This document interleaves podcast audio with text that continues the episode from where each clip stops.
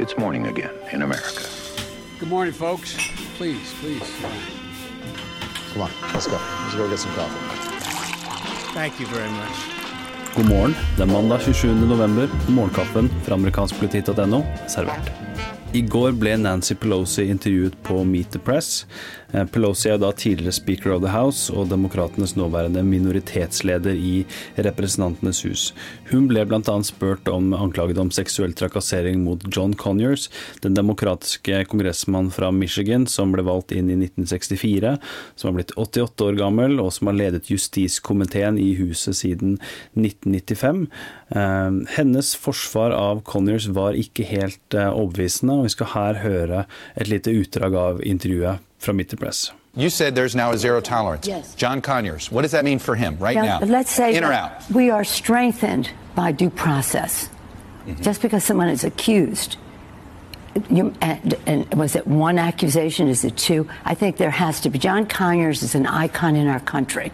He has done a, gr- a great deal to protect women, Violence Against Women Act, which the left wing, right wing is now quoting me as praising him for his work on that, and he did great work on that. But the fact is, uh, as John reviews his case, which he knows, which I don't, I believe he will Why do. don't? I believe that Well, he will. that excuse me, may I finish my Sure, sentence? sure. That he will do the right thing.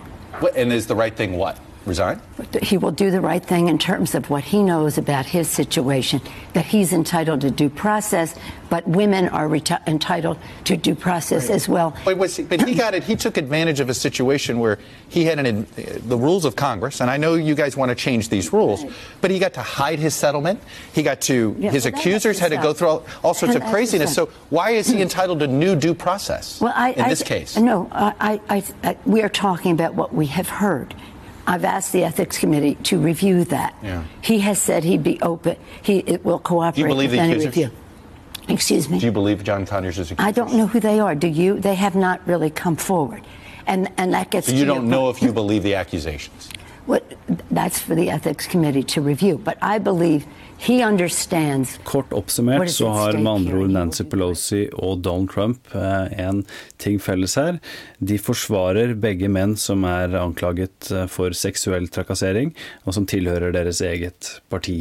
Eh, Og Pelosi hadde det ikke helt bra i det intervjuet her, og ligger videoklipp på amerikanskpolitikk.no som du kan se, så der det blir enda litt tydeligere enn i lydform. Men uansett, kort tid etter intervjuet så eh, kunngjorde John Connors at han trekker seg fra å lede justiskomiteen, mens etikkomiteen i huset ser nærmere på anklagede om seksuell trakassering. Eh, så det er iallfall et lite tegn på at eh, Connors faktisk merker presset her.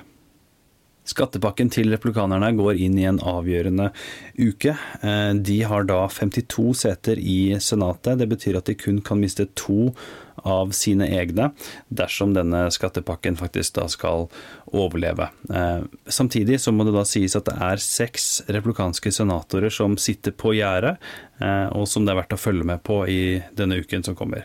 John McCain og Jeff Flake fra Arizona, Bob Corker fra Tennessee, Susan Collins fra Maine, Steve Daines fra Montana og Ron Johnson fra Wisconsin. Alle disse har uttrykt um, usikkerhet rundt denne skattepakken, om de faktisk skal stemme for. Så dersom republikanerne mister tre av disse seks, så er det over for skattereformen. I morgen på tirsdag så er det en avstemning i budsjettkomiteen i Senatet, som kan være et tidlig tegn på hvordan det her kommer til å gå. Senere i denne uken så håper de da faktisk å få gjennom en avstemning i Senatet, enten på torsdag eller på fredag. Det er da en sak vi kommer til å snakke mer om i Ampodkast. Episode 97 ligger og venter tirsdag morgen. Dagens utgave av Morgenkaffen er servert av Martin Totland og undertegnede Are Togenklaten. Du leser mer om disse og andre saker på amerikanskpolitikk.no. Du finner Morgenkaffen i Spotify, iTunes og andre podkast-apper sammen med Ampelkast. Hyggelig du hører på, og så snakkes vi i morgen.